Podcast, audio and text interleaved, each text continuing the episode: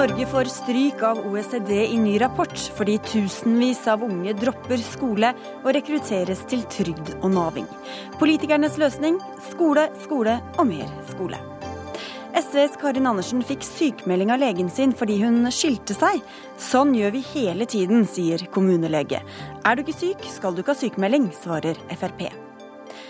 Elever på flere skoler i Hordaland ble hentet av politiet i en narkotikaaksjon. Sånn skal det ikke gjøres, mener Elevorganisasjonen. Og 22.07 er blitt det vi knapt kan nevne, mener Antirasistisk Senter. Vi har nesten ikke debattert annet, svarer Fremskrittspartiet.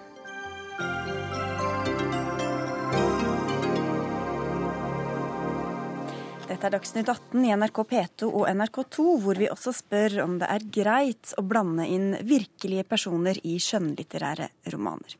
Mitt navn er Sigrid Solund. For mange, for mange, nordmenn blir eh, avhengige av trygd og Nav. Det er konklusjonen i en rapport fra Organisasjonen for samarbeid og utvikling i Europa, OECD. OECD mener at det mest bekymringsfulle er at stadig flere unge mennesker slutter på skolen og aldri kommer seg ut i arbeidslivet. Én av tre dropper ut av videregående, og tallet er stabilt. Så kunnskapsminister Torbjørn Røe Isaksen, du er bekymra i VG i dag, men dette er jo forhold som har vært kjent lenge. Hva gjør dere med det?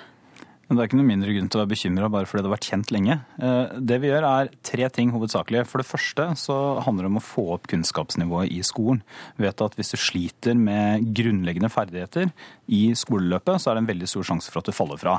Og så skal vi praksisrette yrkesfagene mer, lage mer alternative løp og gå gjennom yrkesfagene for å se om de er noe godt nok tilpassa arbeidslivet som er der ute. Det tror vi kan få flere gjennom. Og så skal vi også ruste opp noe som eh, ikke dere har som tema, men som OECD er opptatt av, nemlig at de voksne som mangler grunnleggende ferdigheter, de skal også få det. Og det handler bl.a. om at de som har lese- og skrivevansker også i voksen alder, skal, bli, skal slippe slippe å bli dytta rundt i systemet uten at noen griper fatt i dem og gir dem hjelp. Hva er det som har vært galt i det systemet vi har hatt, siden dette har kunnet utvikle seg? da? Det vi vet er bl.a. at selv om det er veldig mye som er bra i norsk skole, og det er en del ting som går bedre, f.eks. blir det mindre bråk i norske klasserom, så sliter vi fortsatt med å lære alle elevene det de skal. Er, eh, vi fikk jo en PISA-undersøkelse i høst som viste at veldig mange elever ligger på kritisk nivå i matematikk. Vi vet at uh, hvis man ser på gutta, så er det ca. 17% av guttene som går ut av grunnskolen uh, med ja, såkalte funksjonelle analfabeter. altså Dvs. Si at de vil ha problemer med å lese og ta til seg stoff i en avis eller fylle ut en jobbsøknad. Og Da sier det seg selv at hvis du ikke har med deg de grunnleggende ferdighetene, så er det vanskelig å komme seg gjennom videregående utdanning, og kanskje vanskelig også å komme seg ut i arbeidslivet seinere. Og dette er ikke noe som har skjedd de siste månedene. Stine Renate Håheim, du er stortingsrepresentant for Arbeiderpartiet. Hvordan har den rød-grønne regjeringa kunnet tillate en sånn utvikling? Nei, det har vi jo på ingen måte gjort. Og det er klart at eh, grunnleggende ferdigheter har vært et fokus, eh, og det har man styrka eh, veldig. Blant annet så utvida jo vi timeantallet i de grunnleggende fagene, og eh, evalueringen av Kunnskapsløftet viser jo også at det er blitt en større kultur for tidlig innsats i norsk skole. Det er veldig bra. Men Arbeiderpartiet vil jo gå videre, og vi har bl.a. lansert tanken om en lese-, skrive-, regnegaranti. For det er jo sånn at Hvis du tar med ungene på skoletur, og en unge forsvinner i skogen og, og ikke blir med hjem, så blir du for ordet, og da er det innsats, og da skal man leite. Men hvis en unge på en måte faller av i mattetimene, så er det ikke den samme på en måte innsatsen og oppfølgingen. Eh, og vi mener jo det er like alvorlig at unger faller fra både når det gjelder lesing, skriving og regning. Så det er jo ett ting vi har foreslått for å bygge videre på det eh, som allerede ligger der. Og så er jeg helt enig, eh, som Røe Isaksen også er inne på, at det er viktig at støtet settes inn mot yrkesfag. Fordi vi vet at eh, frafallet er aller størst på yrkesfagene, og særlig i overgangen mellom VG2 og VG3. Så Derfor så foreslo vi før sommeren, da vi fremdeles satt i regjering, mange tiltak for å styrke yrkesfagene, få det mer praksisretta, mer motiverende, og lære teori gjennom praksis, og gjerne ute i bedrift. Det mener vi er en kjempegod idé. Og det viderefører dere, Røe Isaksen? På yrkesfag så har det vært enighet om at vi skal ha en mer praktisk retta yrkesfag. Vi skal gå lenger også, for vi skal gå gjennom alle yrkesfaglinjene, og så skal vi se om de er tilpassa det arbeidslivet som kommer. Og, så, og det er veldig det er, bra, ja, for det foreslo vi før sommeren. Så det er ja, ja, det skal følge opp. Vi foreslo for tre år siden, men la oss ikke, la oss ikke ta, ta, alt det. Poenget er at jeg mener at de rød-grønne i åtte år har prioritert feil i skolepolitikken. Jeg mener at de har vært mer opptatt av andre ting enn kunnskap i skolen. Og da er det veldig fint at man vil ha en lese- og skrive- og regnegaranti garanti, men spørsmålet er jo hvordan følger man det opp? En ting som OECD, som er den internasjonale organisasjonen som utfører de undersøkelsene her, påpeker helt konsekvent, det er at det aller viktigste å investere i hvis du skal få opp kunnskapen i skolen, det er læreren. Vi har nå satt i gang et svært etter- og videreutdanningsløft for norske lærere, sånn at man skal kunne få faglig påfyll. Hvorfor det? Ikke, ikke primært fordi vi har lyst til å være snille med lærerne, selv om det også er bra, men fordi at hvis vi ikke klarer å få det faglige nivået enda høyere opp i den norske lærerstaben, så vil vi også ha problemer med å få kunnskapsnivået opp. Hvis dere er så veldig enige både om beskrivelse og virkemidler, så kan man jo spørre seg hvorfor virkemidler, da. Nei, nei, ok, HM, hva sier du til det han sier? Da? Nei, Vi er jo helt enig i at satsingen på lærerne er veldig viktig. Og så tror jeg det er viktig for mange faller fra i skolen også av andre grunner enn mangel på grunnleggende ferdigheter. Ikke sant? Sånn at å få flere yrkesgrupper inn i skolen. Vi begynte nå med satsing på helsesøstre. Og det handler jo også om å avlaste lærerne, sånn at lærerne får tid til å følge opp elevene faglig. For det er jo det som er jobben deres. Vi skal få inn NDL, du skal få ordet etterpå, Røe Isaksen. Men André Olsen, du er lærling, du er med oss eh, fra studio i Porsgrunn. Og du er en av de unge som var lei etter ungdomsskolen. Men neste sommer har du fagbrev. Hva skjedde med deg? Nei, altså jeg eh, fikk et tilbud når jeg gikk på ungdomsskolen. At, eh, om at jeg kunne gå en annen vei, en annen mulig vei for min del, som var lei av skole og mest sannsynlig hadde droppa ut av videregående skole. Eh, det tilbudet det gjaldt eh, sånn at jeg blei, kunne gå læretid i fire år og ta opp skole, skolefag i mellomtida. Det vil da si at jeg da går f.eks. på jobb hele uka men har da en dag innimellom som jeg tar opp et fag. Og fullfører det, da det faget innafor en viss periode. Og mm. da fortsetter sånn. Og etter, alle, etter de fire åra, da er det fagbrev. Og den skolegangen du har, eller læringa du har, hvordan skiller den seg fra den du hadde på vanlig, altså på ungdomsskolen? Nei, altså åssen Tenk på åssen skole ja, Hvordan oppfølging du får, og hvordan de lærerne engasjerer seg, eller ja, altså nå er det jo mye bedre. For uh, eh, pga. det prosjektet her så har jeg fått veldig mye sånn uh, Hva skal jeg si uh, Ja. Du får, du, ja. du får, bedre oppfølging nå ja. enn det du Ja, jeg får mye bedre oppfølging nå enn det jeg gjorde. Og det her hjelper meg veldig på vei. For uh, om jeg da hadde gått vanlig videregående skole, så hadde jeg jo droppa ut. Og det prosjektet her det får meg til å løfte opp på hvordan jeg skal gå fram i livet, og hva, hva som skjer videre, holdt jeg på å si. Hva var det som gjorde at du ble så lei på skolen da du gikk på, på den Nei. vanlige grunnskolen? da? Nei, altså det var jo alt for mye. Jeg, For min del så syns jeg det var altfor mye fag, og det var for mye vanskelige oppgaver. Du satt der og du følte ikke at du fikk den hjelpa du trengte, hva, hva som var best for deg, da. Og til slutt så ga du bare opp. Og det er jeg ikke aleine om. Mm. Det kan jeg høre med deg, eh, kunnskapsminister Torbjørn eh, Røe Isaksen. Hvordan skal dere hjelpe andre som André Olsen, da, som, som, sitter på, på barne- og ungdomsskolen i dag? Ja, jeg, har, jeg har møtt André og snakka om dette her før, og vi er fra samme by også. Det, det er, jeg synes det er et veldig godt eksempel på et bra prosjekt. altså Det at man får lov til å ha litt mer, altså litt mer praksis, komme seg ut i arbeidslivet tidligere, og så tar man skolen i litt mindre porsjoner. Det har vi lyst til å gjøre mer av. Så tror jeg det er en annen ting som er viktig med det også. Det er at det er jo, det er jo et eller annet med at Eh, det, det, kan være lett også for noen, og plutselig så, så, eh, er det ikke noen grenser å forholde seg til. Det er ikke noen rammer i hverdagen. Man begynner kanskje å sove lenge, ikke møte opp på skolen. Og det er et eller annet med å få folk ut i arbeidslivet tidlig som gjør at de rammene kommer på plass. For at i det øyeblikket du kommer inn på en arbeidsplass, så kan du ikke si at beklager, jeg kommer klokka 11 i morgen, for da vet du at arbeidskameratene dine de må ta en større del av jobben. Så det som André har vært gjennom, det er å gjøre mer av flere steder. Eh, og jeg tror at det kan være løsningen for noen. Ikke ikke for alle, men for noen. Men han, prosjektlederen han sier at han ikke vet om han får penger til å starte opp et nytt eh, kurs til høsten med nye dropouts? Ja, jeg syns at vi skal ha flere veksl... Altså det, dette er vekslingsmodeller på fagspråket, og jeg syns at vi skal ha flere sånne prosjekter. Eh, og det har jeg sagt tidligere også. Akkurat det prosjektet som, eh, som André har vært i, det har vært finansiert over Nav. Eh, så det er et litt annet budsjett enn det jeg styrer på, men vi har en del andre prosjekter som jeg har ansvar for, og de kommer vi til å fortsette med. Vi har faktisk styrka de også i budsjettene som vi har lagt fram nå i 2014.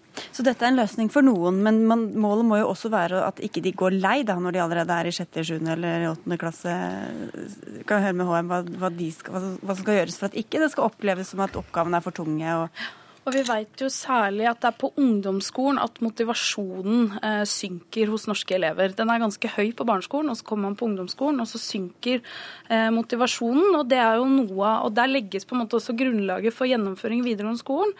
Derfor så var jo vi også opptatt av å gjøre ungdomsskolen mer praksis. Vi fikk bl.a. nye valgfag innførte vi, og arbeidslivsfag, som gjorde at ungdom skulle få en smakebit av arbeidslivet allerede på ungdomsskolen. Både for å øke motivasjonen, men også for at ungdom skulle få et bedre innblikk i hvilke valgmuligheter de hadde av mm. utdanning. Så her er vi nok eh, ganske enige om at dette er den rette veien å gå, og mer fleksible løsninger tror jeg er veldig smart. Men, men hvis jeg kan si noe, så, så, mener jeg at dette illustrerer litt av forskjellen på det som var rød-grønn skolepolitikk og det som er vår skolepolitikk. Altså Jeg er enig i at et praksisløp gjennom yrkesfagene det kan være bra for noen. Jeg har heller ingen ingenting mot de valgfagene som kom, men det er klart det å introdusere to timer med valgfag i uka i norske skoler, det gjør ikke noe med det grunnleggende problemet at, at én av fire har, ligger på kritisk nivå i matematikk. At 17% av gutta går ut av grunnskolen uten å kunne lese og skrive skikkelig. Så Du holder ikke bare å si, og det er det de rød-grønne gjorde, altså de, de lappet på med forskjellige tiltak uten å adressere det helt grunnleggende problemet, nemlig at kunnskapsnivået i norsk skole må opp. Og Da er vi nødt til å bruke penger på det som er aller viktigst, og det er læreren. Mm. Og Da er vi nødt til å satse konsekvent, ikke bare, når, ikke bare sånn som Arbeiderpartiet. Når regjeringa gjør det, så hopper de etter etter. Vi er nødt til å satse konsekvent gjennom år for å f.eks. få på plass etter- og videreutdanning. For det er nøkkelen til å få kunnskapsnivået i norsk skole høyere opp enn det er i dag. Og det var derfor vi satte i gang systemet med etter- og videreutdanning som, som de blå-blå eh, altså Det fortjener vi all ros for, for å ha videreført og styrka det. Men jeg har bare lyst til å si at på ungdomsskolen så satte jo vi av midler bl.a. til skolebasert etterutdanning i grunnleggende ferdigheter. Det skal alle lærerne på ungdomsskolen gjennom. Det har vist seg å være veldig bra, og det får i hvert fall jeg mye ros for når jeg er ute og besøker ungdomsskoler. at det er er lærerne godt fornøyd med. Eh, og sånne ting tenker jeg vi også kan bygge videre på. Men jeg vil ha inn eh, André Olsen også på slutten her. fordi eh, du fikk jo da en løsning etter, etter ungdomsskolen. Men når du hører på politikerne her, hvilke av tiltakene tror du må til for at du ikke skulle gått så lei da du gikk på ungdomsskolen? Nei, altså for å ikke bli så altså, For å få løfta opp uh, framtida, da, så er det vel det å komme ut i en bedrift i tidlig alder og se hvordan arbeidslivet er og vite hvordan det fungerer og ha mer informasjon om det enn hva barneskole ungdomsskole sånne ting får. da.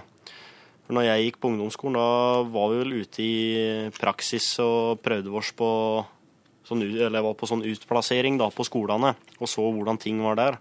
Men jeg føler ikke det er på skolene vi må på utplassering til. Det er liksom arbeidsplasser og se åssen det er, da. Mm.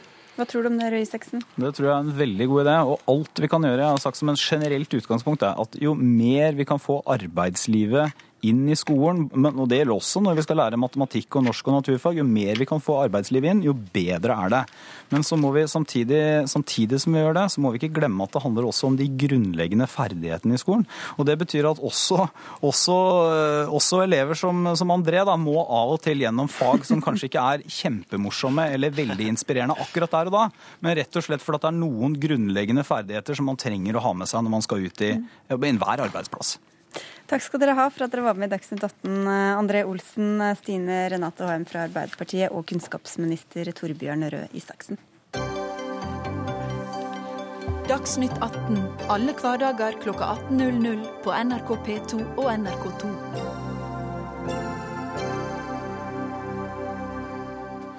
Og litt seinere her i Dagsnytt 18 spør vi om 22. juli er blitt noe vi knapt tør nevne, og får helt ulike svar.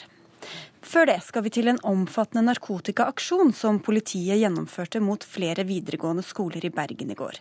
I underkant av 30 skoleelever, alle over 18 år, ble pågrepet i skoletiden for kjøp, salg og besittelse av narkotika. Ifølge Bergensavisen leste lærerne opp navnene på elever fra en liste, og førte så disse elevene ut av klasserommet til politiet som ventet. Og Liv Holm Heide, du er leder i Elevorganisasjonen, og hva syns du om måten politiet gikk fram på? Jeg syns ingenting om måten politiet gikk fram på på mange av de skolene. Eh, det du nettopp sa om at de leste opp navnene i klasserommet foran alle de andre elevene med politibiler i skolegården, er, eh, er helt uhørt. Jeg syns ingenting om det, eh, og det er jo da den denne framgangsmåten vi har reagert veldig sterkt på. Og Hva forteller de som opplevde det til, til dere? Elevene følte at politiet var aggressive. De følte seg krenket. De følte seg tvunget til å samtykke om at politiet kunne ransake dem, og de følte seg rett og slett utrygge. Elevene hadde ikke fått noe informasjon, ante ikke hva som pågikk. Eh, og de følte seg rett og slett eh, utelatt av hele, hele opplegget, noe som er eh, veldig uheldig. Det var jo litt av poenget, kanskje, at ikke de skulle vite at de skulle komme? Det var det. Og vi skjønner veldig godt at man ikke skal kunne spre denne informasjonen til andre og lignende, men vi ser også at, at dette kunne bli gjort, gjort, på en mye mer skånsom måte overfor de det gjaldt, og overfor de, alle, alle de andre tusen elevene som ble ble med på dette ufrivillig. Gunnar Fløystad, du er sjef for retts- og påtaleenheten i Hordaland politidistrikt. og Hvorfor valgte dere denne framgangsmåten?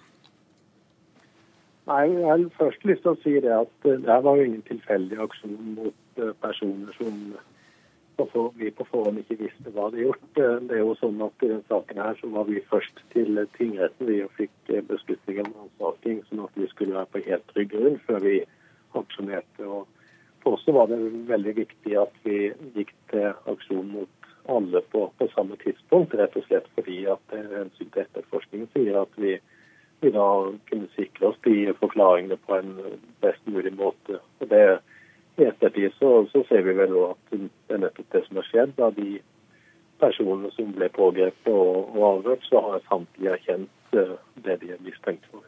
Men hvorfor måtte lærerne lese opp navnene på skolen? På de elevene som måtte bli med ut mens alle andre hørte på? Det som er saken, er at uh, når uh, aksjonen skjedde på skolene, så, så, måtte elevene hentes ut. og Da mente vi at det var mer skånsomt at uh, lærerne gikk inn og henta elevene, enn at politiet gjorde det. Hva burde de gjort annerledes, da? Nei, På noen skoler så har de jo tatt helsesøster for eksempel, som har kommet inn i klasserommet og bedt noen av elevene komme ut bare for å snakke med dem, noe som ser ganske naturlig ut for mange elever. og Eh, andre steder hvor de har fått plukket ut disse elevene uten at det er midt i klasserommet foran alle medelevene deres.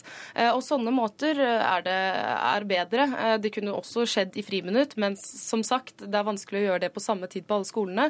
Men man kunne gjort det på andre arenaer på skolen, sånn at det ikke hadde blitt skapt masse blest om det blant alle elevene, som gjør at de føler seg utrygge, ikke vet hva som skjer, blir nysgjerrige, det ble den store snakkisen på skolen dagen etterpå. Det er mye som kommer som følge av dette som de andre elevene kunne ha sluppet sluppet. Hva syns du om å høre at elevene kan føle seg utrygge, Fløystad? Ja, Det er noe veldig enkelt å parere. for Det er ingen som har grunn til å føle seg utrygge som, som ikke har begått en straffbar handling, som ikke, ikke har, har, vært involvert i narkotika eller, eller noen andre straffbare handlinger her. sånn at og Det er jo slått fast da når vi har gått til aksjon, så er det kun, kun erkjennelse vi har fått, ingenting annet. Så, så, så, har jeg lyst til å si at det, det, På vår side da, så er det veldig viktig at elevorganisasjoner og andre fokuserer først og fremst på det problemet som narkotikaomsetning og narkotikabruk er i norske skoler, og ikke så opptatt av, av, av mindre sider ved aksjonen. For, for, vi må jo si at for vår del så har vi opplevd at det har vært relativt udramatisk i møte med både de mistenkte og, og pårørende i ettertid. Mm. Ja, eh, og det er jo dette med hvor, uh, hvorfor skjer dette, uh, og hvorfor skjer det nå? Uh, hvorfor må man vente helt til at det har sopet seg opp mange elever som er ut, utenfor denne problematikken, og så en stor aksjon? Hvorfor satser man heller ikke på tidligere forebygging? ha dialog i klasserommet om narkotikaproblematikk, få det inn i undervisningen, snakke om det, sånn at lærere også kan plukke det opp tidligere, sånn at man slipper en sånn stor aksjon hvor man må pågripe mange, men plukker opp de som sliter med dette. forebygge det istedenfor for å, å, eventuelt skremme sånn som politiet har kunnet gjøre nå. Ja, er det et poeng å gjøre det litt dramatisk for å skremme? Jeg tror det er veldig overraska hvis det nå fremstilles sånn at vi ikke driver forebyggende arbeid i skolen. At det fremstilles sånn at vi ikke har vært på skolen informert om, om, om eh, narkotikamisbruk og, og bakdeler med det. Og vi har òg et ganske godt samarbeid med mange av skolene her. sånn at, at det tegnes et bilde nå som at det ikke foregår noe forebyggende arbeid i, opp mot skolen og opp mot elevene. Det forbauser meg, og det, det, er rett og slett ikke riktig. Men det er klart når vi kommer over opplysninger om svært uh, omfattende salg av narkotika på norske skoler, så må vi selvfølgelig aksjonere. og Det er nettopp det vi har gjort her. Så det er jo håpet vårt at når både elever og, og, og, foreldre ser hva som skjer her, så, så har han fått seg en, en tankevekker og, og, muligheten for at vi kan få gjort noe mer konstruktivt med problemet framover. Gjerne i samarbeid med elevorganisasjonen og andre. så så er jo det noe vi heller må, må ha fokus på framover. Men for Fløystad, var det et poeng å skremme litt? Det er selvfølgelig sånn at eh, når en aksjon som det her eh, iverksettes, så så, så er det fordi at det, det, er et stort problem vi tar tak i. og det er det jo sånn at den aksjonen viser at uh, det er riktig det vi sier om, om omfanget av, av problemet. Og, og det vil nok skremme noen at en ser at det her er faktisk mye verre enn det en hadde trodd på forhånd. Da er det kanskje greit å sette en støkk i elevene? Uh, ja da, og det, og det, skremmer jo, og elever blir jo obs på konsekvensene. Uh, men der er det veldig viktig for oss at vi ønsker jo ikke en sånn her aksjon i fremtiden. Vi vil jo forebygge det og unnlate at det skjer. Uh, og da er det nettopp viktig at man kommer inn tidlig. Og, og det er flere elever også som har uttrykt at det forebyggende arbeidet har fremstått for dem som ikke-eksisterende. Og noen elever opplever det sånn, andre elever opplever nok at det er til stede. Men det er viktig at det er noe som er oppe for alle elevene, og at elever vet om konsekvensene av dette. At rusproblematikk som er ulovlig ulovlig er også på dagsordenen i skolene, skolene, sånn at elevene kan lære om det eh, og, og, vite konsekvensene av det, rett og slett. Eh, for det fremstod i den saken her som at mange elever ikke visste om konsekvensene, som f.eks. dette med visum til USA og lignende. Eh, men det er jo sånn elever burde vite, og man burde ha en dialog om narkotikaproblematikken også i klasserommet for å forebygge det og plukke opp de som sliter, og ha en åpenhet om det. Vi sier takk til dere, Liv Holm Heide fra Elevorganisasjonen og Gunnar Fløystad for, fra Hordaland politidistrikt.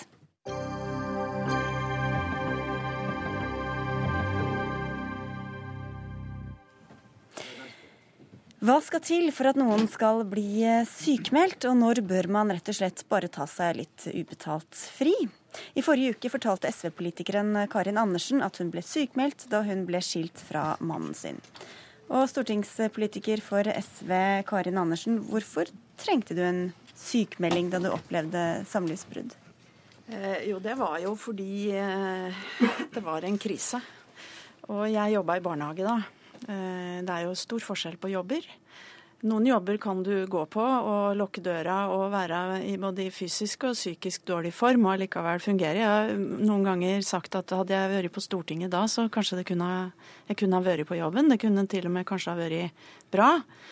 Men en slik jobb som jeg hadde da, eh, eller hvis jeg hadde kjørt bussen for den delen og vært såpass eh, arbeidsufør da, sånn til å være oppmerksom og ta vare på andre og sånn, eh, så ja, Så det gikk ikke, rett og slett. Så jeg var eh, Og det er jo, for å si det sånn, jeg veit ikke om det er så nødvendig å sette en diagnose på sånn. Poenget er at jeg var arbeidsufør i den jobben jeg hadde, og at det var nødvendig med en kort sykemelding for å forebygge en lang en. Og det gikk bra.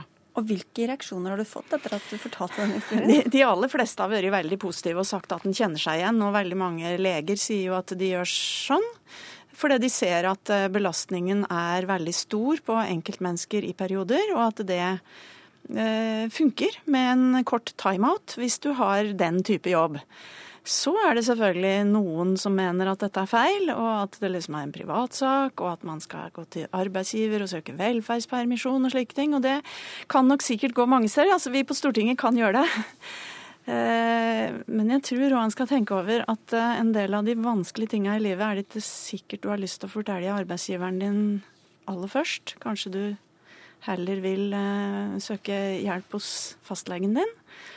Og at dette kan være Jeg er helt sikker på at for, for en del er dette en god løsning som forebygger lange sykemeldinger. Hva tror du? Arbeids- og sosial, jeg må jo si hvem du er først. Arbeids- og sosialpolitisk talsperson i Fremskrittspartiet, Erlend Wiborg. Jeg har stor forståelse for at eh, mennesker i ulike faser av livet har behov for en eh, timeout. Eh, om det er pga. samlivsbrudd eller andre utfordringer på hjemmebane eller andre årsaker. Men igjen så tror jeg det er viktig at en sykemelding skal være når man er syk. Og så må vi heller sørge for å ha andre ordninger som gjør at når mennesker kanskje har behov for en være borte fra jobben en kortere periode, at man får til da i dialog med arbeidsgiver å kunne få en eh, velferdspermisjon i en kortere eller lengre periode. Men mener du da, Vi snakker ikke om Karin Andersen her nå, det er vi liksom blitt ferdig med akkurat den. Men, men mener du at, sånn, eh, at det er å utnytte sykemeldingssystemet? Nei, Jeg mener at det er en feil bruk av sykemeldingssystemet. For eh, jeg tror det er viktig at når man er eh, syk og får en sykemelding, så skal man ha et tett samspill med arbeidsgiver i forhold til at arbeidsgiver i størst mulig grad skal legge til rette for den enkelte arbeidstaker. Men da må man ikke oppgi eh, feilaktige opplysninger og bli sykemeldt på feil grunnlag. For da vil kanskje arbeidsgiver sette i gang med arbeid på å tilrettelegge på helt feil premisser. Og da tror jeg det er mye bedre å spille faktisk med de åpne kortene. Men det betinger jo selvfølgelig også at arbeidsgiverne her er sitt ansvar bevisst, og sørger for å lage gode ordninger for de som sliter. Bare legge til at vi har invitert både NHO og Spekter og Virke til Dagsnytt 18, men ingen hadde anledning, som det heter. Men Karin Andersen, hva tenker du om det han sier? Ja, jeg, jeg syns man tenker litt for lite over hva er det som er sykdom. Altså Det er mange sykdommer som ikke blir diagnostisert første gangen du går til legen. Det kan være diagnoser, men det kan også være situasjoner der du er utslitt eller i, i, ikke er arbeidsfør, og som, som kan føre til sykdom. Og jeg veit jo at leger, og hvis du skal liksom ta vare på helsa, så hender det at du må forebygge det da, på en slik måte. Så jeg syns at man lager et problem ta noe som egentlig ikke er noe problem. Så er det eh, fint hvis nå Fremskrittspartiet foreslår da en slik velferdspermisjonsordning. Da regner jeg med at den må være med lønn fra staten. Da er i hvert fall utgiftene akkurat like likeens som de er i dag. Fordi det er en realitet at ikke alle arbeidstakere vil få det. De har ikke de samme rettighetene som f.eks. vi som sitter på Stortinget, der det er mange som når det liksom har blåst hardt rundt døra på dem, har trengt en timeout. Vi skal komme tilbake til det, men vi skal ha med, for vi har med en lege også, Elisabeth Svendsen. Du er kommunelege i Seljord i Telemark. Hvor ofte gir du sykemelding og dine kolleger da, sykemeldinger til noen som ikke har noen bestemt diagnose? Jeg gir sykemelding ganske ofte til mennesker som nettopp har den diagnosen som Karin Andersen burde ha fått, nemlig samlivsbrudd. For den fins. I, I, det diagnosesystemet som vi bruker i allmennpraksis, så har vi noe som heter Z-diagnoser, som vi per dato ikke har lov til å sykemelde for. Og de burde vært flittigere i bruk. Fordi at Jeg er ganske sikker på at Karin Andersen fikk en P-diagnose som het et eller annet sånn psykisk ubalanse eller krise eller noe sånt. Så dere må finne på et eller annet som liksom ligner litt på det som, som stemmer, ja, stemmer overens? Er, ja, ofte er det nok det som skjer. Jeg, altså Hvis du spør hvor ofte jeg sykemelder folk som på en eller annen måte er i en kortvarig krise, eller så er det ofte. Men er du da enig i at det er god, god skal vi si, for, for, forebyggende sykt, Altså at det virker forebyggende?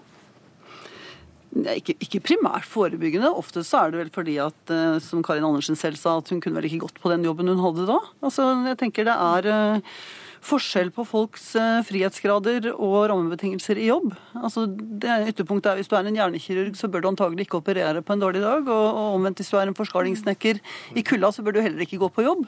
Men sånne som meg godt kan gå på jobb med eh, litt rusk i maskineriet. Og det, dette, dette, er jo veldig viktig det du, det du sier nå. fordi altså, jeg, har vært på, jeg har vært på jobb både med brudd og lungebetennelse, som er diagnoser da jeg kunne ha blitt sykemeldt. ikke sant? Mens, ja, ja. mens poenget her er jo at du ikke kan utføre akkurat den oppgaven, og at det heller ikke, f.eks. når du jobber i en barnehage, så er det, det er én jobb du har, og det er å vise omsorg for de unga.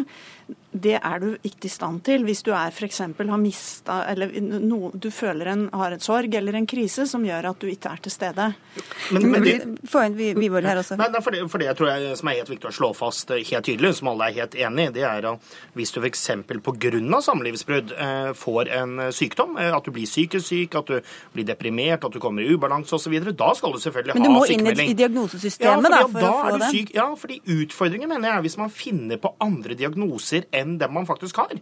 Eh, og det handler, og det er ikke noe uenighet her om at mennesker i forskjellige faser har behov for en timer fra jobb. Men det er et spørsmål skal man da eh, benytte sykemeldingsinstituttet og komme med en feilaktig eh, diagnose. Eller skal man da bruke velferdspermisjon og dermed slippe unna jobben? Og det åpner dagens lovverk også for. Hva sier du til det, Svendsen? Nei, jeg syns det er ganske for det første så, så utfordrer jeg vel Wiborg litt på, når han slår så veldig kategorisk fast at man skal være syk, hvordan han da definerer sykdom. Sånn som jeg hører Karin Andersen, så var vel hun syk. Og det andre jeg tenker, er at eh, han viser en rørende tillit til at arbeidsgivere vil vise eh, forståelse for eh, folks indre liv. Altså Jeg tror ikke det er sånn at det er noe særlig lurt at sårbare folk i krise skal sendes ut til eh, alle landets arbeidsgivere å måtte legge kortene på bordet i første fase. Men det er heller ikke bra, tror jeg, nødvendigvis å komme med en feilaktig diagnose. Og det er ikke feil. Nei, men hvis man da som flere, som vi har fått flere eksempler på nå de senere dagene, at flere leger også har vært ute og sagt at de kommer med diagnoser som ikke stemmer i forhold til pasienten. Det er det som er utfordringen her. Så jeg er helt enig at det kan være utfordring opp mot arbeidsgivere. Men, men, men da handler det jo om hvilke rammeverk vi setter rundt dette, og sørger for for å sette arbeidsgiverne i stand til det, og arbeidsgiveren være sitt ansvar bevisst her. Men, men, dette er helt utopisk i forhold til arbeidslivet. Det ene er det. Det andre er jeg tror jo at det blir satt en del diagnoser som er feil, uten, for å si det sånn, som ikke handler om denne saken. Men som, eh, så kan vi lage en, en sykemeldingskryss av for disse årsakene. Det som er alvorlig, og som jeg tenker vi bør, bør snakke mer om, er hvis folk i livets kriser går til legen, kun får sykemelding, og som jeg har blitt tilbudt flere ganger medisin, tabletter for å døyve smerten, ikke noe mer, og at man fortsetter med sykemelding. At man fortsetter med tabletter. Det er et problem. Og da må man ta fatt på arbeidsplassen for å kunne eh, tilrettelegge. Men det, det jeg har snakka om, er en kort krise der folk får sette beina under seg. Og jeg mener at dere nå gjør et problem ut av noe som ikke er et problem, men som løser ting både på arbeidsplassen og for den det gjelder. Men spørsmålet er jo også litt hvem som skal betale for, eh, og hvor grensa skal gå. Eh, Wiborg, hva tenker du om at noen kan komme Uh, altså si det er for mye stress i livet mitt, f.eks. Og, og, og hvem skal da betale? Eller ja, nå er jeg i en krise, jeg har det ikke så bra, eller ja. Nei, Det utgangspunktet må man Det vil være forskjellig fra hva slags utfordring er det man er oppe i. Uh, men det jeg tar til orde for, er som sagt det at man skal kunne få permisjon fra jobben. Og så får man ha en men dialog med Er det betalt permisjon eller ubetalt permisjon? Det vil være forskjellig. Uh, og det er det jo allerede i dag. Og jo, men det er det jo allerede i dag. er det jo forskjellig. I dag er det mange ansatte som har mulighet til å ta forskjellige permisjoner fra arbeidsgiver. Noen av de har betalt, andre er ikke betalt. Sånn som oss, f.eks. Vi kan det. Og da er det veldig lett for oss å sitte og si at dette skal ordnes slik. Vi har gode systemer, vi har høye lønninger, og vi, for oss fungerer dette. For veldig mange med slitsomme jobber er det ikke slik. Men da må jeg høre med deg igjen, Svendsen, for du også opplever noen av disse som kommer til ditt kontor. Som ikke har en akutt krise, men som er mer sånn Ja, altså det er klart at uh, Jeg er en forsvarer av Sykemeldingsinstituttet, og jeg er glad for at leger faktisk tar på seg denne jobben og tror at det er lurt. Men når det er sagt, så er det selvfølgelig noen som som ønsker å sykemelde seg, som det har begynt å hete. Og det reagerer jeg jo på, for det, altså det, det begrepet fins jo ikke. Det er jo faktisk legene som sykemelder. Og det hender ikke sjelden at jeg også, når folk setter seg litt sånn til rette i stolen og sier at nei, jeg tror faktisk jeg må jobbe litt mindre, altså underforstått fordi det er så stressende her i verden, at jeg da sier ja, det syns jeg høres lurt ut, men har du råd til det? Altså, fordi at da ligger det i kortene at eh, man gjør noen informerte valg. Um, og det er klart det er slitsomt å jobbe, men det For de kommer, til deg, nei, for de kommer til deg for, og ønsker egentlig litt sykemelding litt uføre? Ja, noen gjør det. Og det er kanskje farlig å si det høyt, men det er jo kanskje en overhyppighet av kvinner som også har omsorgsoppgaver og et stort liv hvor de ønsker seg litt mer plass. Og hvor jeg nok syns det er betimelig å si at det får være et valg de selv gjør. Om de da vil jobbe fullt eller delvis. Og, og, og, det helt, og, det er jo akkurat det som er utfordringen her. For skal vi eh, kunne beskytte eh, sykemeldingsinstituttet, noe Fremskrittspartiet er en varm forsvarer av, Da er det også viktig at ikke vi uthuller det, og da må vi ikke eh, åpne opp i større grad enn i dag, eh, og kanskje har vært i for stor grad. Og da er det viktig jo, men da er, tror jeg det er viktig å skille på det, så vi sørger for at sykemeldingsinstituttet brukes når man ha, Men- er men- syk. Og har man andre behov for en timeout, da skal man få det, men da har vi andre må eh, virkemidler. Karin Andersen, Ja, dette, det vi snakker om nå, er jo noe helt annet. Og jeg er helt enig i at hvis det liksom er eh, litt sånn Jeg har lyst på litt mer fri. Eh, Så er det selvfølgelig ingen sykemeldingsgrunn. Men jeg tror jeg har lyst til å si også at veldig mange kvinner har gått ned i stilling i mange år. Nettopp for å takle alt dette dobbeltarbeidet. Mm. veldig mange kvinnfolk har også sånne jobber der du går hjem fra jobben hver dag og er urolig for at du ikke har greid å gjøre jobben. Fordi du har et kjempeansvar. Lite makt og myndighet. Det er for få på jobben og for stort ansvar. Det eter seg inn i sjel og kropp på mange kvinner, og derfor blir det for tungt. Og de fleste av dem tar på seg det ansvaret sjøl, går ned i stilling, går ned i lønn og taper pensjon. Og det er vi nødt til å løse på en annen måte enn sykemelding. Men jeg, jeg ber om at man også forstår at det er mange av de kvinnene som gjør dette, som har gode grunner til det. Men, men jeg sa det fordi at det har jo vært reist spørsmål at man liksom ikke skjønner hvorfor kvinner er mer sykemeldt. Eh, og dette er nok et av svarene som ikke er veldig populære, og som man må se ordentlig på. Men også det at vi selvfølgelig skal være vellykket både i den gamle og den nye kjønnsrollen, og det er krevende. Og Da er det også viktig å heve også eh, de såkalte kvinneyrkene. Eh, og det er en viktig debatt å ta, men det er en litt annen debatt. Men eh, der er vi også klare på å heve Men tilbake til. Wiborg. Wiborg, så, eh, til deg vil jeg jo faktisk eh, si at når du starter denne debatten med å slå så kategorisk fast at man ikke skal bruke sykemelding med mindre det foreligger sykdom, så savner jeg jo en definisjon. Fordi det, vi- vi, startet med en skilsmissedebatt her. Ja, vi nærmer oss slutten, men da får du bare si helt det jeg var inne på. Jeg mener, eh, Om man har en sykdom eller ikke, det er heldigvis ikke jeg som politiker som skal avgjøre. Det skal eh, legene avgjøre. Men igjen så går det på at i de tilfellene der en lege mener man ikke er syk, da, men allikevel om man behov for en timeout, da skal man kunne få det, men da på helt andre virkemidler enn å komme med en feilaktig Men der diagnose. finnes det et diagnoseapparat som faktisk kan benyttes. Vi får avslutte der hvor vi begynte, og si tusen takk for at dere var med i Dagsnytt 18. Karin Andersen fra SV, Erlend Wiborg fra Frp og kommunelege Elisabeth Svendsen.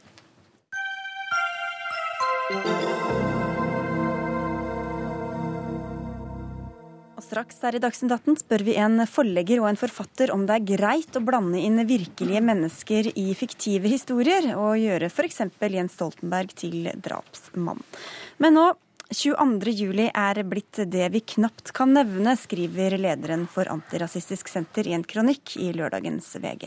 For offentlighetens oppmerksomhet har fjernet seg sterkt fra høyreekstremisme siden 22. juli-terroren. Det skriver du altså, Rune Berglund Steen.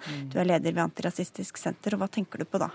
Det jeg mener er at når 22. juli nevnes, så er det når 22. juli er tema. Det er på en måte noe vi har klart å plassere i en ganske smal boks, nærmest som et historisk fenomen. Eh, Det er ikke noe vi analyserer opp mot samfunnet bredere. Eh, Ikke noe vi analyserer opp mot innvandringsdebatten vår. Ikke noe vi på en måte ikke noe som ser ut til å, til å gi oss litt ettertanke i forhold til f.eks. hvordan vi fører innvandringsdebatten vår, hvor brutal den til tider er, hvor ekskluderende og pol- pol- polariserende den er. Jeg, jo, jeg opplever at, at det norske samfunnet det er noe rart som har skjedd etter 22. juli, med, med en ganske bred svikt eh, fra, fra stor del av myndighetssiden til stor del av den offentlige debatten, eh, hvor, hvor 22. juli på en måte ikke ser ut til å være et, et fokusområde for oss, hvor innsatsen har sviktet, hvor det ser ikke ut som at Politiets sikkerhetstjeneste egentlig har så mye fokus på høyreekstremisme som det har vært naturlig å ha. Det forskes ikke så mye på det. Eh, og, og, og samtidig i den offentlige debatten så snakkes det ikke så mye om at dette faktisk er noe som, som vi må, må dra noen konsekvenser av, kanskje i forhold til hvordan, hvordan vi fører debatten osv. i Norge. Eh, vi behandler allerede som, som en historisk hendelse som, og ikke som, som noe som faktisk er i vår direkte samtid. For du sammenligner det med 11. september og USA, og Mm. sier at vi har oppført oss annerledes, og at det skyldes at der var det en ytre fiende, mens her var det en slags indre fiende. Jeg tenker det. Altså, nå, nå er ikke USA et eksempel til etterfølgelse i forhold til alt, men, men, men det er ingen tvil om at de har satt inn ganske voldsomme tiltak. De har gått til krig, hva enn man skulle synes om det. Vi har ikke akkurat gjort det samme. Eh, fordi dette var en indre fiende, tror jeg, så visste vi helt klart ikke helt hvordan vi skulle forholde oss til det. Hvem er det vi egentlig skulle være bekymret for nå? Hvem skulle vi rette blikket mot? Hva skulle vi være kritisk mot? Det hadde vært så mye lettere for oss hvis det var en muslim, men det var det ikke. Og da har vi endt opp med å definere det litt bort og late som at dette er noe vi ikke egentlig trenger å forholde oss til. Men, men det er det. Mm. Hva syns du om det Bergensten sier, Mazyar Keshvari, du er innvandringspolitisk talsperson for Fremskrittspartiet? Jeg er eh, litt uh, usikker på hvor han vil når jeg har lest uh, kronikken hans. For den biten som går på å forske og holde øye med og bekjempe radikale, ekstreme miljøer, den tror jeg alle er enig med han i. Både i fagmiljøene, ideologisk og, og ikke minst fra politisk side, uansett hvilken farge man har. Men noe av grunnen til at man eh, ikke kanskje knytter opp så veldig mye av debattene våre i samfunnet opp mot 22. juli, er fordi at folk føler vel at det ikke har relevans. I denne kronikken så kommer det fram at det nærmest er tabu. Det er ikke lov å nevne det, det er ikke lov å knytte til det.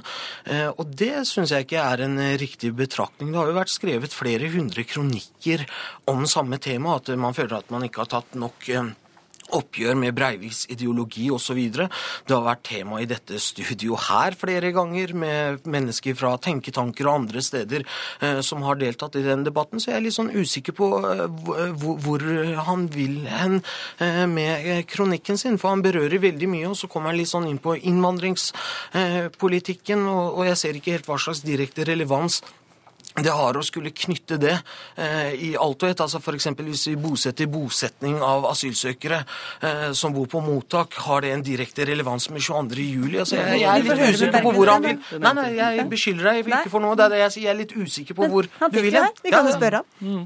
Altså, bare begynne med det med forskningen. Det er ingen som kan påstå at det forskes mye på det ideologiske bak, eh, bak 22. juli. Det er ingen som kan påstå at det forskes mye på, på om en massemorder som ser ut til å være sånn et oppkomme av innvandringsdebatt debatt. Faktisk hvilket forhold han står i til innvandringsdebatten vår. Og, og, og jeg er ikke ute etter å, å, noen sånne enkle konklusjoner her, men, men, men jeg er ute etter at, at altså For å si det på den måten jeg opplever at innvandringsdebatten vår per i dag er minst like brutal som den var før 22.07. Det er minst like neg mye negativ fokus på, på, muslimer. Det er like mye stereotypier og fordommer rettet mot muslimer som det var før. Like mye en fremstilling av et samfunn i krise som det var før. Og dette er faktisk relevant. Fordi vi hadde en massemorder som opererte ut fra stereotypier, ut fra fordommer og ut fra en idé om krise i samfunnet. Og det er ikke for å legge noen enkel skyld på noen, men jeg savner den refleksjonen der. Eh, for å si det på den mm, ja. Mm, ja, Vi kan slutte ikke svare først. Ja, altså, Det er jo helt legitime sider å debattere og diskutere. Jeg ser ikke på noen som helst måte at det har blitt noen tabu etter 22.07. juli. du skriver jo kronikkene dine, vi sitter her i studio, det er fullt eh, ut mulig å debattere. Jeg tror litt av grunnen til at det, det ikke knyttes like mye opp mot denne massemorderen som f.eks. andre terrororganisasjoner, er fordi vi har med en gjerningsmann å gjøre som det var enormt stort tvil om vedkommende i det hele tatt var tilregnelig eller ikke. Han har skrevet et eh, makkverk av en eh, dokument som ikke er lett å plassere helt sånn klart ideologisk, og ting ikke henger sammen. Altså, det er jo ikke en veldig sånn klar mønster, men alle de sidene der har vært debattert. Og i den grad eh, man mener at det ikke har vært debattert godt nok, så mener jeg at vi bør gjøre. Vi kan ikke, ha, vi kan ikke være i en situasjon der noen som helst deler ved 22.07 eh, skal være mørkelagt, tabubelagt og dermed gjenstand for konspirasjonsteoretikere i ettertid. Men også, vi skal slippe til forskeren, for du mener Bergenstein, at det henger sammen med høyreekstremisme, det han har sagt. og det, altså, at det, at det, det, er et av poengene dine, ikke sant? Ja, selvsagt. Ja. ja. Mm. Fordi Tore Bjørgo, du er professor ved Politihøgskolen. Øh, og vi hører altså, altså det er for få som forsker på, på høyreekstremisme. Er du enig i det? Ja, det, iallfall så er det litt springende og spredt og lite tyngde i forskningen rundt dette feltet nå. Det står nokså i stor kontrast til sånn situasjonen var på 90-tallet. Da hadde vi et veldig synlig høyreekstremt, ekstremnasjonalistisk miljø i Norge. Og vi hadde også en rekke forskere som drev med dette på over lang tid. Vi fikk iallfall to doktorgrader, min egen inkludert, og flere store forskningsprosjekter som gjorde at vi lå i front når det gjaldt kunnskap om denne typen fenomener. Mm. Eh, og det, vi var, det, denne forskningen pågikk til, fram til begynnelsen av 2000-tallet, så begynte dette problemet å bli borte, bli mindre. Eh, og forskningen, eh, forskerne begynte å se litt andre steder på andre temaer. Og etter hvert så forandra også fenomenet seg. Altså den gateorienterte eh, høyreekstremismen vi så på 90-tallet med litt sånn marginaliserte ungdommer, den, den, forsvant. Det ble ikke lenger synlig på samme måten. Eh, I stedet så har vi fått en mer internettbasert høyreekstremisme. Eh, eller det, kanskje er det vanskelig å bruke begrepet høyreekstremisme også, for det er mye mer sammensatt. Eh, og det er ikke lenger marginaliserte ungdommer, men det kan være godt integrerte voksne mennesker i gode jobber som spyr ut av seg veldig ekstreme ting og veldig hatefulle ting. Driver trakassering av meningsmotstandere, av politikere, av journalister, av eh, kvinnelige debattanter, ikke minst. En rekke grupper som blir hardt trakassert eh, på ulikt vis, men de, de, er ikke ute i gatene mm. og slåss slik de gjorde i gamle dager. Det betyr også at mye av den kunnskapen vi hadde som var relevant og som vi kunne bruke til å eh, utvikle forebyggingstiltak, den er ikke lenger relevant i forhold til den, det fenomenet vi nå står overfor. Jeg, jeg, tror eh, disse forklaringene er med på å forklare hvorfor eh, det leder for Antirasistisk Senter eh, savner altså mer oppgjør med de miljøene og sånn. Hvorfor det ikke er så tydelig. Fordi at Hvis vi ser på 11.9, så var det jo slik at det, i tillegg til at det var en organisasjon og ideologi, så var det mange som ga tilslutning til det. Vi opplevde jo folk også i Norge som gikk ut og sa at dette var noe USA hadde fortjent pga. sine krigsføringer. Lærere i Oslo-skolen slo alarm om at elever elever hadde fortalt at de hadde jubla kvelden før hjemme osv. Men når det kommer til eh, terroraksjonene og massemordene 22.07, så har det vært veldig begrensa eh, miljøer. Eh, det har vært enkeltpersoner som har kommet med, med tilslutning og, og heiarop. Det har vært mennesker fra Russland som vi har sett eksempler på andre steder. Men det har liksom ikke kommet noen veldig klar støtte støtte heller til den retningen og aksjoner fra miljøer i, i, i, Norge. Og det tenker jeg vi skal kanskje være glad for. Men mener du Berglundsten, at Keshvari undervurderer både størrelsen og påvirkningen de høyreekstremistiske miljøene har? Jeg opplever at han uttaler seg varsomt her, men, men, men, jeg tror vi alle undervurderer det litt. Og vi, vi, sensurerer litt på en måte for oss selv. Eh, hvor mange vet at vi antagelig hadde et rasistisk drap i Trondheim i 2008? Veldig, veldig få. En muslimsk mann som ble henrettet av en mann med høyreekstreme sympatier, muligens fordi han var muslim. Eh, vi hadde skudd mot et asylmottak samme år. I fjor så ble lederen av, av en av våre antirasistiske organisasjoner forsøkt slått ned, antagelig av høyreekstreme. Altså, Høyreekstremisme er ikke et problem som er begrenset til 22. juli, det er et vedvarende problem. Og, og nå, nå, opplever jeg Keshvari som sjenerøs her. Jeg er ikke sikker på om alle hans partifeller ville, ville, delt helt dette synet på at det er, nettopp er riktig og relevant å koble deler av samfunnsdebatten vår opp mot dette her. Når vi har en samfunnsdebatt hvor, hvor altså saker om innvandring påfallende ofte illustreres eh, med bilder av kvinner i burka, som det virkelig ikke er mange i dette landet her. Eh, når, når, når for å være litt konkret, da, eh, Keshvaris parti er litt sånn i tvil om man skal bruke ordet snikislamisering eller ikke, da, da, da syns jeg vi, vi ikke har, har, tatt alt innover oss som vi burde ta innover oss. Mm. Og det har faktisk noe med 22. juli å gjøre, uten at noen har spesifikt ansvar for det. Men jeg savner den, den refleksjonen etterpå at kanskje 22.07 hadde noe å si for den intellektuelle og den politiske konteksten vi opererer innenfor. Mm. Ja, du, det du starta med, som sagt, jeg er helt enig, og den kampen blir vi gjerne med på. Å bekjempe ekstremisme, rasisme, eh, vold mot enkeltmennesker og grupperinger basert på deres etnisitet, religion, eh, kjønn osv. Men det å si at det, man, altså det å koble dette opp mot debatt om burka, altså jeg mener det er legitime, påløpende debatter i norske samfunn om, eh, om innvandring, om konsekvensen av det økonomisk, kulturelt, samfunnsmessig, som ikke har noe med 22 juli å gjøre.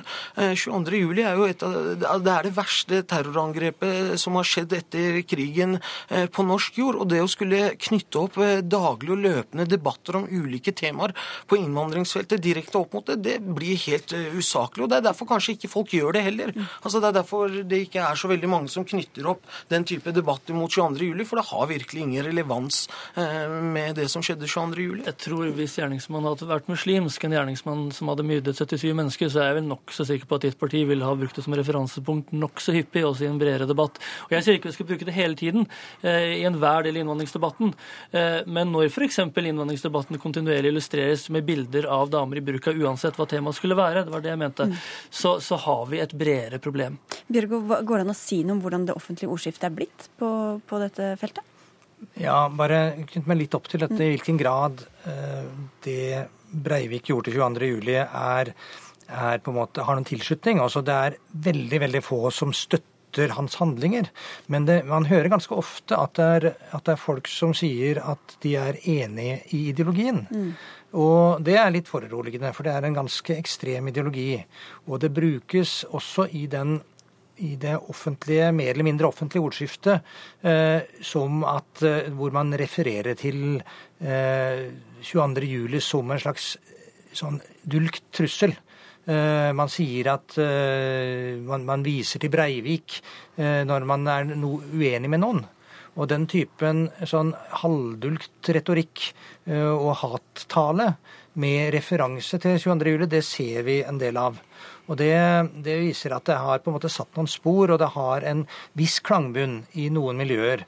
Denne tenkemåten og dette hatet. Altså Det er en, en, et ekstremt uttrykk for det, det vi så eh, 22.07., men det er ikke helt uten en viss basis i, i, at det er en del meningsfeller der ute som støtter mye av synspunktene. Og Hvor bekymra gjør det deg, Keshvari? Det er bekymringsfullt. Altså Kampen mot eh, radikalisering og ekstreme miljøer, som sagt, det er jo alle med på. Eh, det, nåværende regjering har jo satt ned et utvalg bestående av hele syv ulike departement, og viser at man har en veldig, veldig bred tilnærming. Alt fra skolen, helsevesenet, psykiatri. Altså På alle samfunnsområder så ønsker man å bekjempe eh, radikalisering, ekstreme miljøer. Enten det er politisk, ideologisk eller religiøst betinget. Den kampen er vi gjerne med på å, å ta, og det tror jeg alle i Norge er med på, uansett hvor de står hen politisk. Men det, har, eh, men, men det, henger ikke helt sammen med alt det andre i den kronikken. Det er derfor jeg sa at jeg har litt eh, vanskeligheter med å forstå hvor man ville med akkurat den kronikken der. Da, for kampen mot ekstremisme ekstremisme, det tror jeg alle eh, politiske partier i Norge er med på. Ja. Kampen mot ekstremisme, noe av det jeg prøver å si, er vel at det handler faktisk om hele samfunnet. Det handler også om, om hvordan vi fører innvandringsdebatten som sådan. Eh, når vi, vi, bidrar stadig til å bygge fram en idé om et samfunn i krise pga. innvandringen, så er det, det er et problem på, på, mange, ja, på, mange, vis. Det er et problem fordi det er ekskluderende for mange av de menneskene som lever her. Men det er også et problem fordi det bygger opp under en det hatet og de fordommene som, som dessverre finnes der ute. Mm. Får vi håpe du skjønte litt mer av eh, innholdet i kronikken, Masiar Keshvari fra Fremskrittspartiet. Takk skal du ha for at du kom. Takk også til deg, Rune Berglund Steen, og til Tore Bjørgo. Hør Dagsnytt 18 når du vil. Radio NRK Radio.nrk.no.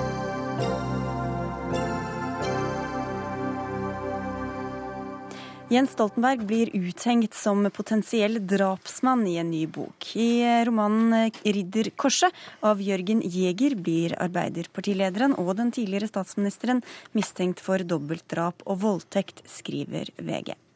Forfatter og forlegger i Cappelen Dam, Anders Heger, du har ikke lest denne boka, men på prinsipielt grunnlag sier du at lista bør ligge høyt for å skrive virkelige mennesker inn i skjønnlitteraturen.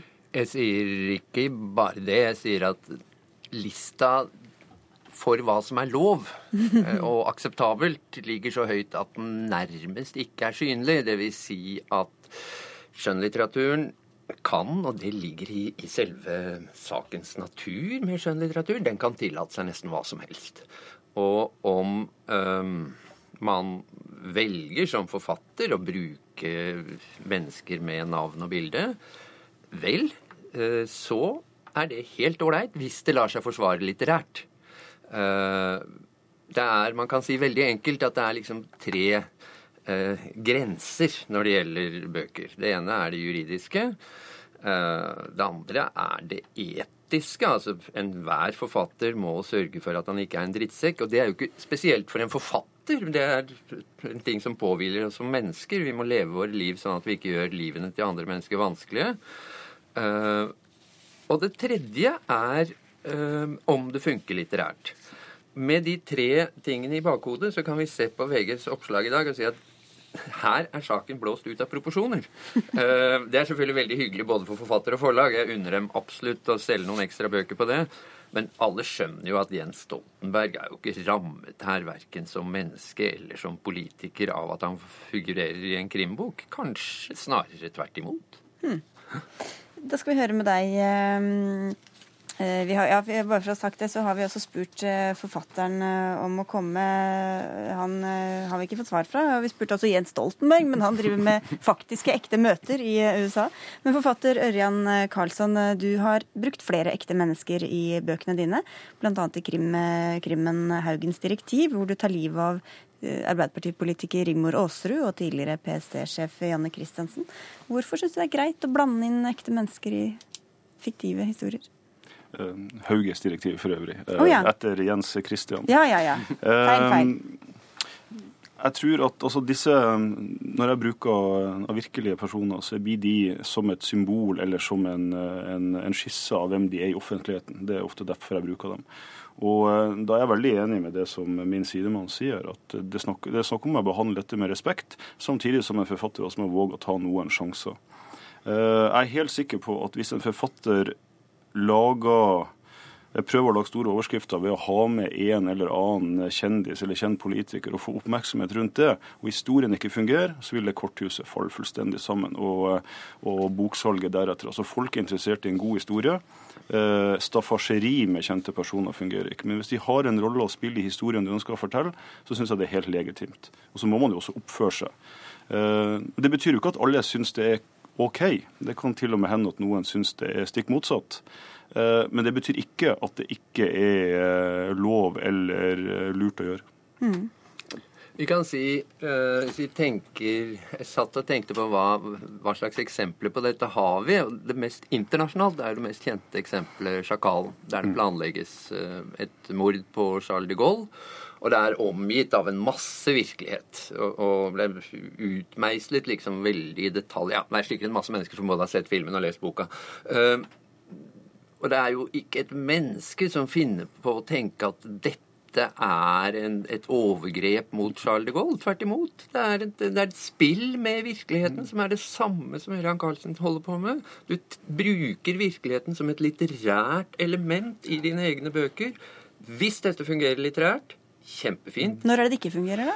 Det er når det blir påklistret, hvis det blir kunstig. Man må jo f.eks. av og til, slik jeg forstår det har jeg gjort her, legge levende mennesker replikker i munnen, eller tillegge dem handlinger som, som de ikke har gjort, men som de litterært kan tenkes å ha gjort. Hvis det ikke funker, så tenker leseren nei, nei, den er for tjukk, og da legger du boka fra deg, og da er i grunnen Det er det verdt som kan skje en forfatter. Hvordan forholder du deg til å skrive inn virkelige mennesker, og hva de faktisk kunne tenke seg å si i det virkelige liv? Ja, jeg tror den vanskeligste personen jeg skrev inn, det gjorde jeg i Gerhardsens testamente, som var den første boka. Der eh, hadde jeg med Torbjørn Jagland. Og det er en, en, en ganske vanskelig øvelse, fordi at Torbjørn Jagland har blitt karikert så mye, eh, både på TV og i, i aviser og slikt. Og den karikaturen av Torbjørn Jagland er jo ikke troverdig som en litterær figur. Så man måtte da prøve å, å, finne ut hvordan vil da, altså i hvert fall i min Torbjørn Jagland, oppføre seg, uten at han blir en sånn en todimensjonal, eh, kjedelig eh, person. Eh, så man må gjøre mye research, og så må man, et, man må bestemme seg i utgangspunktet hvor nært ønsker jeg å gå inn på denne personen. For meg så har det vært viktig hvilke funksjoner de har. Og så har jeg sagt det slik at hvis dette er viktige individ for f.eks. samfunnsutvikling eller tilsvarende, så må de tåle dette. Men du fikk jo også kritikk i den samme boka oh, ja. fra Håkon Lies eh, datter, fordi faren hennes plutselig var drapsmann. Ja, det, det, gjør jeg, det må jeg virkelig tåle. Når jeg velger å, å stikke hodet frem sånn, så må jeg også akseptere at ikke alle syns det er like greit. Men jeg står fremdeles inne for det jeg gjorde, og så kan vi være enige om at noen av oss er uenige. Mm. Der er vi på dette aspektet at forfatteren har et annet han har en annen oppgave, nemlig Og den oppgaven har han overfor sin egen samvittighet og overfor andre mennesker. Eh, nemlig at han må kunne oppføre seg etisk forsvarlig. De grensene er blitt prøvet noen ganger i norsk litteraturhistorie, men da handler det ikke om det å bruke navn, men at man har benyttet skjønnlitteraturen til å ta rotta på noen. Det mest kjente eksempelet er Knut Hamsuns redaktør Lynge, som han skrev for han, han sa det selv. Denne boken er skrevet for å ødelegge redaktør Thommessen i, i Tidens Tegn. Og det er klart, Da er du inne på et helt annet område. Uh, det ble vel rettet en litt sånn kritikk mot uh, Torgrim Eggens Trynefaktoren i sin tid, hvor han skrev om Arbeiderpartiet. Altså at du bruker skjønnlitteraturen på en i anførselstegn ufin måte. Men det, det har ingenting med det at man trekker inn en navngitt politikere politiker i en, i en, tekst. Men Hvor går grensa da for hva du kan gi av skjebne til en virkelig person? Eh, da er vi litt tilbake på hva forfatteren sjøl mener er den etiske grensa. Altså det, altså det, er veldig vanskelig å si dette er greit og dette er ikke greit. Jeg tror man ivaretar både forfatterens uh, interesse og ikke minst de man skriver med gjennom godt redaksjonelt arbeid, og at man får denne type diskusjoner opp relativt ofte. Da gjør redaksjonen, redaktøren og forfatteren en gode valget. Ja, øh, det er helt riktig. Og sånn sett skal vi ønske denne diskusjonen velkommen. Fordi denne typen problemstillinger diskuteres altfor sjelden. Og vi har jo hatt noen etiske utfordringer i det siste som ikke er blitt diskutert. Startskuddet gikk nå. Herlig. Og takk skal dere ha for at dere tok den. Anders Heger og Jørgen eh, Nå glemte jeg med en gang hva du het. Du kan prøve Ørjan Karlsson. Jørgen. Jørgen Jæger skrev den andre boka. Bjørn Atle Gildestad, Erik Sandbråten og Sigrid Solund var ansvarlig for dagens Dagsnytt 18. Bye.